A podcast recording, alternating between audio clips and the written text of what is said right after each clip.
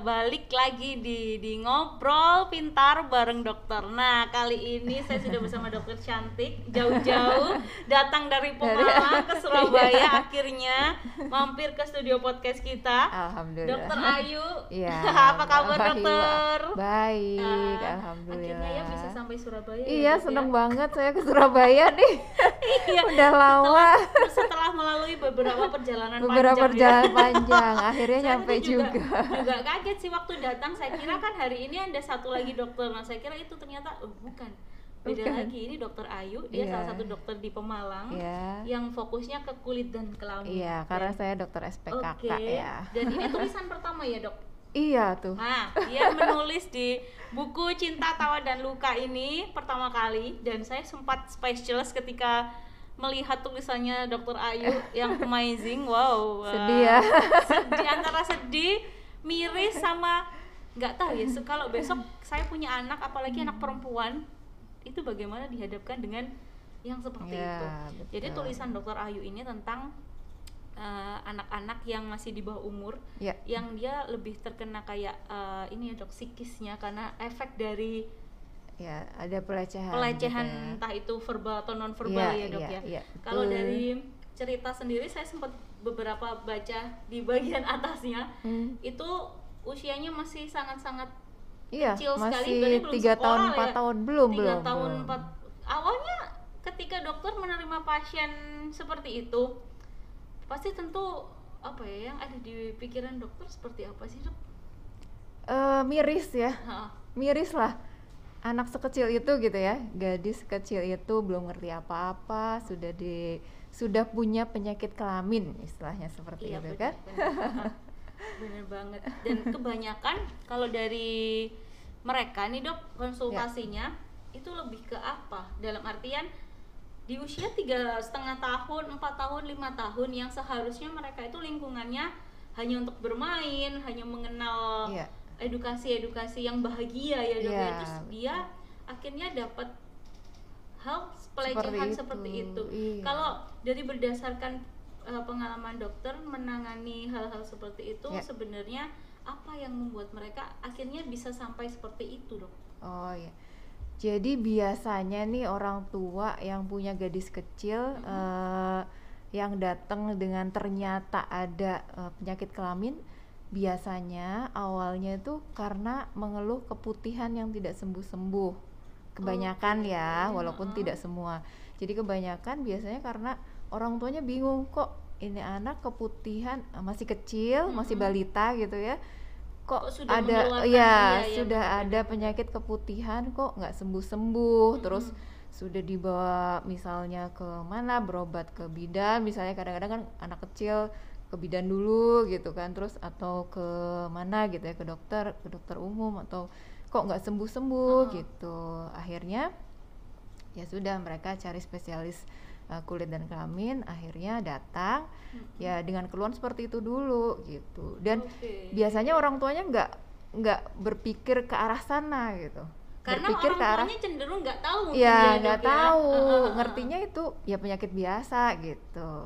Nah. Terus akhirnya otomatis eh, pasti si anak ini kan masih belum bisa menceritakan Betul, sebabnya apa ya iya, dok ya. betul. Cara pendekatannya sendiri seperti apa sehingga tahu eh, kalau si anak ini adalah korban iya kayak gitu dok. ya jadi biasanya kalau misalnya pasien datang ke kita dengan keluhan seperti itu ya sudah pasti kita lakukan pemeriksaan dulu kan pemeriksaan Ah. dulu dengan eh, cerita dari ibunya seperti apa kalau anaknya bisa ditanya mungkin eh, bisa tapi kebanyakan anak-anak yang balita kan agak susah untuk mengeluarkan Berbicara, ya. ya pendapatnya atau apa yang ada di pikirannya itu kan agak susah eh, perlu pendekatan tersendiri ya Mm-mm. biasanya itu bagiannya eh, psikolog anak yang Berarti- bisa eh, Berarti dalam arti ketika kita harus datang ke dokter Ya. di kulit dan kelamin itu Betul. ketika anak udah terserang psikisnya harus ada pendampingan dari dokter psikolog juga ya, Ya. dari psikolog juga.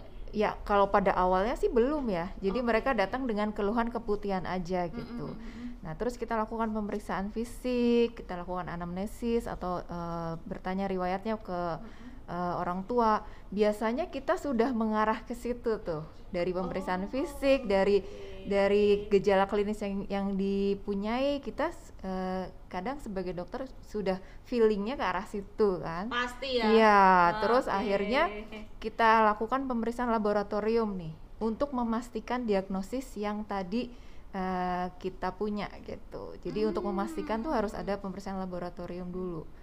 Nah setelah eh, diperiksa ternyata betul sobek ya bukan sobek. Jadi ada eh, apa bakteri tertentu yang bisa terlihat pada saat pemeriksaan eh, laboratorium itu. Dan bakteri itu cuman ada di penyakit kelamin yang ditularkannya lewat hubungan seksual. Oh, nah, dari iya, situ iya, iya. kita akhirnya oh berarti sudah terjadi ini dong ya. Apa itu namanya? tadi ya Iya. Iya, iya, iya, Kan iya. ditularkannya lewat hubungan seksual biasanya. Oke, tapi kan nah, penasaran akhirnya mungkinnya pikiran saya ke mana-mana nih dok. Iya. Eh, pernah nggak sih dok ada pasien yang masih istilahnya dia usia 6 eh eh, 10 tahun lah ya itu kan dari menstruasi ya. Iya. Terus dia kena korban kayak gitu dan sampai flek Iya, sampai sampai flek gitu Iya. dok. Kan ada kan ya kalau semua orang kena korban pelecehan seksual yang Oh, sampai istilahnya kayak masih mengeluar- perawan iya, kayak iya, gitu. betul. Nah, terus akhirnya kan eh, biasanya ada saya pengalaman saya itu dulu ada yang sampai sakit katanya gitu. Iya. Itu sebenarnya gimana dok? Ya bisa jadi itu sudah terjadi eh, intercourse ya, hubungan seksual. Oke.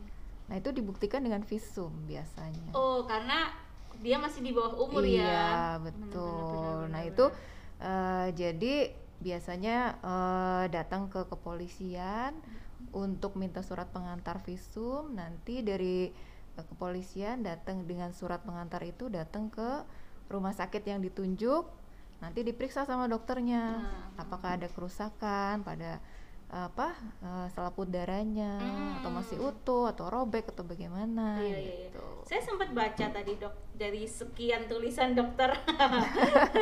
Ada tulisan uh, dokter bertanya pada pasien itu uh, setiap hari dia diasuh Iya. oleh siapa. Betul. Sebenarnya itu lebih ke pengawasan orang tua atau Iya. pergaulan dari faktor Dari- circle-nya dia atau gimana ya dok? Ya bisa dua-duanya. Jadi eh, kalau dalam kasus yang saya tulis ini eh, cerita ini, ya dia ternyata anak kecil umur tiga tahun, tiga tahun setengah, hampir empat tahun itu setiap hari ditinggal sama orang tuanya sibuk kerja. Oke. Kemudian di rumah cuman dengan neneknya saja Nah, dan neneknya tidak bisa terus mengawasi dia selama eh, mamah papanya pergi. Artinya ada saat-saat dia eh, di luar pengawasan neneknya, main keluar gitu. Oke. Jadi, nah pada saat itu terjadilah gitu. Ternyata dilakukan oleh orang yang dia kenal juga gitu, Oh. tetangga gitu, yang sudah dewasa. ternyata yang ada dalam pikiran saya dokter kulit dan dokter, dokter kulit dan kelamin itu saya kira hanya eh, menangani kayak kita sakit kulit, Kulit aja. gitu-gitu terus yang nggak sampai nggak sampai yang seperti itu Seperti itu, bener ternyata dong. sampai segitunya. saya beruntung saya ketemu sama dokter Ayu itu permasalahan kecil dari sebagian kecil anak-anak yang masih di bawah Bawah umur, ya dok umur. Nah, kalau untuk orang dewasa nih dok, Iya. apakah juga membuka penanganan untuk dewasa karena Oh, gimana iya. ya? Gimana sih ceritanya ya? Sekarang itu kan banyak ya dok ya. Eh, banyak banget. Mungkin kalau dipresentasikan ya hampir 40%, 50% ya eh, seks bebas. Oh iya, Iya kan, Dok, betul. ya? Iya. Ada cerita lucu nggak sih dok? Ada cerita pengalaman yang mungkin orang itu sebenarnya belum tahu ketika eh, menangani sebuah penyakit kelamin untuk anak-anak yang sekarang circle-nya bebas gitu. Kayak sekarang kan banyak tuh yang cowok suka sama cowok, cewek Oh, sama iya. cewek kayak gitu dok. Ya kalau kita sebagai dokter kulit dan kelamin sih biasanya pasien datang udah Uh-uh. dengan keluhan ya, Oke. sudah dengan keluhan eh, yang mengarah ke penyakit kelamin, eh, penyakit infeksi menular seksual. Artinya Waduh. penyakit infeksi yang disebabkan oleh eh, hubungan seksual. Oke. penyebabnya. Kebanyakan ini, hubungan ini seksual. hubungan seksual cewek cowok eh bukan ya? Eh, bisa sesama cewek jenis? cowok, bisa sesama jenis Oke, gitu. oke, oke, oke, oke. Karena eh, ternyata nih dari penelitian Mm-mm. kalau misalnya eh, hubungan sesama jenis itu ternyata akan meningkatkan resiko terjadinya penyakit kelamin 3 sampai 5 kali lebih besar dibandingkan, dibandingkan yang, yang heteroseksual gitu. Oke, kan saya baru tahu nih dok. Iya. Baru tahu, baru tahu. Jadi saya. harus Ternyata lebih besar ya, hati-hati, lebih betul. besar. Persentase, Persentase tertularnya untuk itu lebih iya besar. untuk Karena terjadinya mungkin penyakit eh, ketika melakukan mereka tuh melakukan hal yang salah. Iya. Eh, yang tidak seharusnya kan seks kalau cowok-cewek Iya, itu seperti ini, iya, nah ini iya, kayak betul. gitu. Tapi rata-rata mereka itu kenanya apa dok? Kenanya Terlalu jauh ya kalau kita ngomong HIV ya dok ya? iya terlalu Benar. jauh itu TBC itu bisa nggak sih? TBC apa nih? TBC paru atau Heeh, apa? heeh. Oh itu salah satu tanda dari HIV ya. Iya eh, iya. akhir-akhirnya ya. Heeh. Tapi kalau yang datang ke kita biasanya tuh yang paling banyak nih keluar cairan nanah dari kelamin. Kalau Oke, pada kalau Heeh, pada laki-laki Heeh. kayak orang bilangnya kencing nanah. Gitu kan? Oke. Terus kalau yang wanita ya itu ini, tadi. Ini, ini, ini, ini pelajaran baru nih mas saya. Ini biasanya gak gak gak gaptek gaptek banget Iya. ini. Harus ini ya. Iya harus tahu dong. Harus tahu juga. Jadi ketika saya menghadapi dengan situasi yang seperti itu saya tahu oh Jadi impactnya kayak i- gini. ini bukan kayak gitu. jorok ya, tapi ini, bukan kita jorok. ini adalah uh, apa namanya, pelajaran, lah, pelajaran wawasan edukasi baru, wawasan iya, baru. edukasi juga Jadi baru. harus tahu gitu ya. Dan kebanyakan seperti itu ya. iya, Dok, ya? kebanyakan gitu. Jadi kalau pada laki-laki kencing nanah, pada perempuan keputihan yang tidak sembuh-sembuh. Oh, terus- terus menerus. Iya. Terus bisa juga karena kutil kelamin. Hah? Timbulnya kutil di kelamin itu juga salah satu Di eh, area luarnya. Iya, di kulitnya. Oh, bisa ya dok? bisa banget.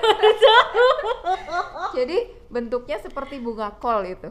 Jadi Oh, seperti bunga kol. gitu ya? iya, betul. Hmm, seperti hati-hati. jengger ayam, jengger Ah, ayam. Hati-hati ya untuk kalian.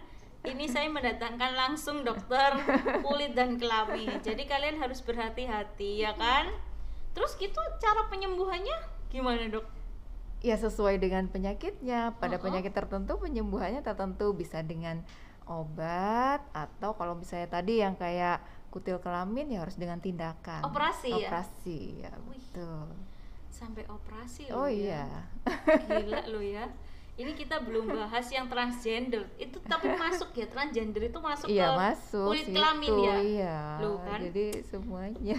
luar biasa aku sampai nggak bisa berkata apa-apa. Speechless apalagi ya. yang harus kutanyakan sama gitu. Bingung. Oh mungkin ini yang eh, pencegahan biar anak-anak nggak kena ah itu. iya tapi eh, tapi sejauh pegang pasien nih dok Hmm, ada nggak sih eh, transgender gitu? Karena kan sekarang banyak nih. Kalian mungkin kalau diekspos karena dia selebgram mungkin dia betul, artis. Nah iya. Kita kan nggak tahu ya dok ya Hmm. di lingkungan kita. Gitu ada nggak sih yang konsultasi soal ada kayak- banget. Ada dok? Ada banget. Luar biasa ternyata ya. Jadi kadang nanti eh, kalau orang lihat s- itu pasangan ya. Maksudnya satu Uh-uh. cantik satu ganteng. Iya iya ternyata iya iya. ternyata yang cantik ini sebenarnya laki-laki. Oke. itu juga ada. Jadi mereka datang berdua konsultasi misalnya ada keluhan di kelaminnya atau apa tadi yang saya jelaskan Tapi si si yang ganteng itu udah ganti kelamin. tidak itu pacarnya Iya. Dia ganti kelamin atau enggak? oh yang cantik yang Uh-uh. cantik itu ganti kelamin Iya, ganti ya? Iya, bukan yang ganteng yang ganteng tetap ganteng yang cantik yang ganti kelamin Sebentar lagi cewek sama cewek kan. Ini cewek sama cewek kan, Dok? iya Iya, itu Eh. enggak iya cowok sama cowok yang satunya di- jadi cewek itu sudah ganti kelamin, Dok. sudah Bisa ya. Kalau cowok ke cewek ya. ya bisa Bisa. Oke. jadi orang lihatnya ini kok cantik banget ternyata Iya, sebenarnya sebenarnya cewek eh cowok. Cowok. Oke. Biasanya keluhannya apa, Dok? ya itu tadi ada kutil kelamin ada misalnya ada kalau herpes kelamin ya berarti. Oh, ada iya, iya, borok yang herpes. nggak ha, ha. sembuh sembuh di kelaminnya Basah kayak basah gitu iya ya. basah kayak sariawan gitu Iya, banyak iya, itu iya, iya. di kelaminnya nggak sembuh sembuh gitu Oh. Ya, jadi oke, seputar oke. itulah ya iya sih sebenarnya ya ini edukasi juga sih untuk mereka jadi uh, jadi uh, hal-hal yang kayak gitu tuh bukan bukan untuk ini sih bukan jorok tapi memang ini iya harus tahu edukasinya tapi untuk antisipasi sendiri nih dok antisipasi untuk para orang tua juga di rumah yang Mm-mm. banyak sekali yang jadi korban. Kalau saya melihat kan kebanyakan eh, di kota-kota besar itu kan presentasinya bisa sampai hampir 40% ya pelecehan itu ada. Nah Iya. sedangkan kalau di Pemalang sendiri tinggi juga nggak sih? Di daerah maksudnya Daerah. di daerah ya kayak eh, saya Selawi dan Pemalang ya prakteknya. Yaitu bisa dalam dua bulan ada satu kasus dua kasus kadang-kadang. Bahkan terakhir seminggu yang lalu masih ada. Saya masih menerima pasien oh. umur lima tahun dengan Ha-ha. keputihan tadi yang nggak sembuh-sembuh. Ya ternyata pas diperiksa ya ternyata ada penyakit kelaminnya. Seminggu yang lalu masih ada kasusnya. Arti kan artinya kan lumayan ya. Mm-mm, maksudnya mm-mm. kita harus aware banget nih sebagai orang tua yang punya uh, anak kecil baik itu perempuan atau laki sama aja sih. Dua-duanya beresiko untuk terjadi pelecehan seksual gitu. Jadi intinya tetap orang tua itu harus benar-benar merangkul dan iya jadi harus terus dikasih ya edukasi seksual itu bukan kita mengedukasi caranya berhubungan seksual seperti apa tidak pada anak-anak ya. Tapi dari mulai anak itu usia 2 tahun sudah diberikan uh, pemahaman bahwa ini laki-laki, ini perempuan, mama uh, perempuan, papa laki-laki. Jadi dia bisa membedakan gitu. Kalau misalnya perempuan punya vagina, kalau laki-laki punya penis dan itu harus harus dikatakan secara Balita, eh, sejak iya, balita sejak ya. balita udah harus jangan misalnya burung kayak gitu kan dia bingung. Burung itu bukannya yang terbang. Kok Iya, dia iya, bisa iya, jadi harus dikatakan sesuai dengan eh, bahasanya aslinya bahwa kalau Oke. wanita punya vagina kalau laki-laki punya penis Mm, mm, mm, jadi mm. artinya dari awal dari dia kecil sudah harus diajari seperti itu jangan Hmm. burung atau apa gitu kan dia bingung burung bukannya yang iya terbang pasti yang terbang itu iya kenapa benar, yang buat pipis gitu benar, kan benar benar benar benar benar tapi kalau itu untuk yang eh, balita ya dok ya mungkin Iya. kalau untuk yang sekarang anak-anak yang udah remaja yang mulai Iya. sudah mengenal pasangan Mm-mm. dan sekarang kan angka seks bebas di luar juga iya iya besar gitu iya iya Nah, mungkin ada pesan untuk mereka yang pada akhirnya banyak juga nih yang sering konsultasi tentang kelamin Betul, gitu loh betul. karena sebenarnya ya Bu kesalahan dia sendiri Iya. melakukan hal itu Heeh, kayak gitu, Dok. heeh. ya itu dia harus dikasih eh, edukasi apa resikonya Oke. resikonya itu bukan main-main Hmm. misalnya bisa sampai kena HIV bisa sampai mandul nggak punya anak gitu nah itu harus biasanya saya kalau pasien saya selalu tanamkan resikonya seperti ini. Nanti mereka takut apa iya dok sampai kayak gitu. Nah, iya memang betul komplikasinya sampai seperti itu baru Oh. mereka tahu. Jadi kan selama ini mereka tidak tidak teredukasi dengan baik Karena bahwa enjoy, iya benar, jadi bahwa penyakit kelamin itu ah ada obatnya ah Heeh, gini gini heeh. giliran mereka Kena? eh, kena. Misalnya pabrik spermanya udah rusak nggak bisa eh, Reproduksi berreproduksi iya, nah iya, iya, baru iya. deh makanya dari awal harus kasih tahu bisa mandul loh Oke. kalau kayak gitu terus Nah, tapi ada satu lagi nih dok, saya yang penasaran. Transgender itu bisa bayi tabung nggak sih dok? Ya enggak. Ada pertanyaan. Menurut Mbak Wahyu gimana? kan kalau eh, transgender nih nikah nih ya dok ya saya sama ini sama ini kalau hamil nggak mungkin kan dok nggak mungkin kan nah kalau semuanya bayi tabung mungkin nggak dok Kayaknya nggak perlu dijawab ya. intermezzo dok intermezzo Ya udah pasti enggak lah ya. sebenarnya menjawab keraguan saya sama yang itu sih yang Yang itu ya, yang di luar-luar itu ya, yang lagi heboh itu Iya, ya. Ya Sudahlah, mungkin dia halu. Banget Oh nih iya, ya sama-sama, untuk yang Wahyu. episode kali ini. Iya. Kita bahas soal kelamin, Iya. sakit kelamin. Tapi saya masih punya satu episode lagi sama Dokter Ayu, ya kan? Berlanjut. Iya, berlanjut. Tapi ini ceritanya lebih ke ah nanti kayak kalian simak aja deh. Kalian jangan lupa ya yang di rumah subscribe Berita Jatim TV, like, komen dan share. Dan kalian juga bisa dengaran ini di podcast beritajatim.com. Sampai jumpa.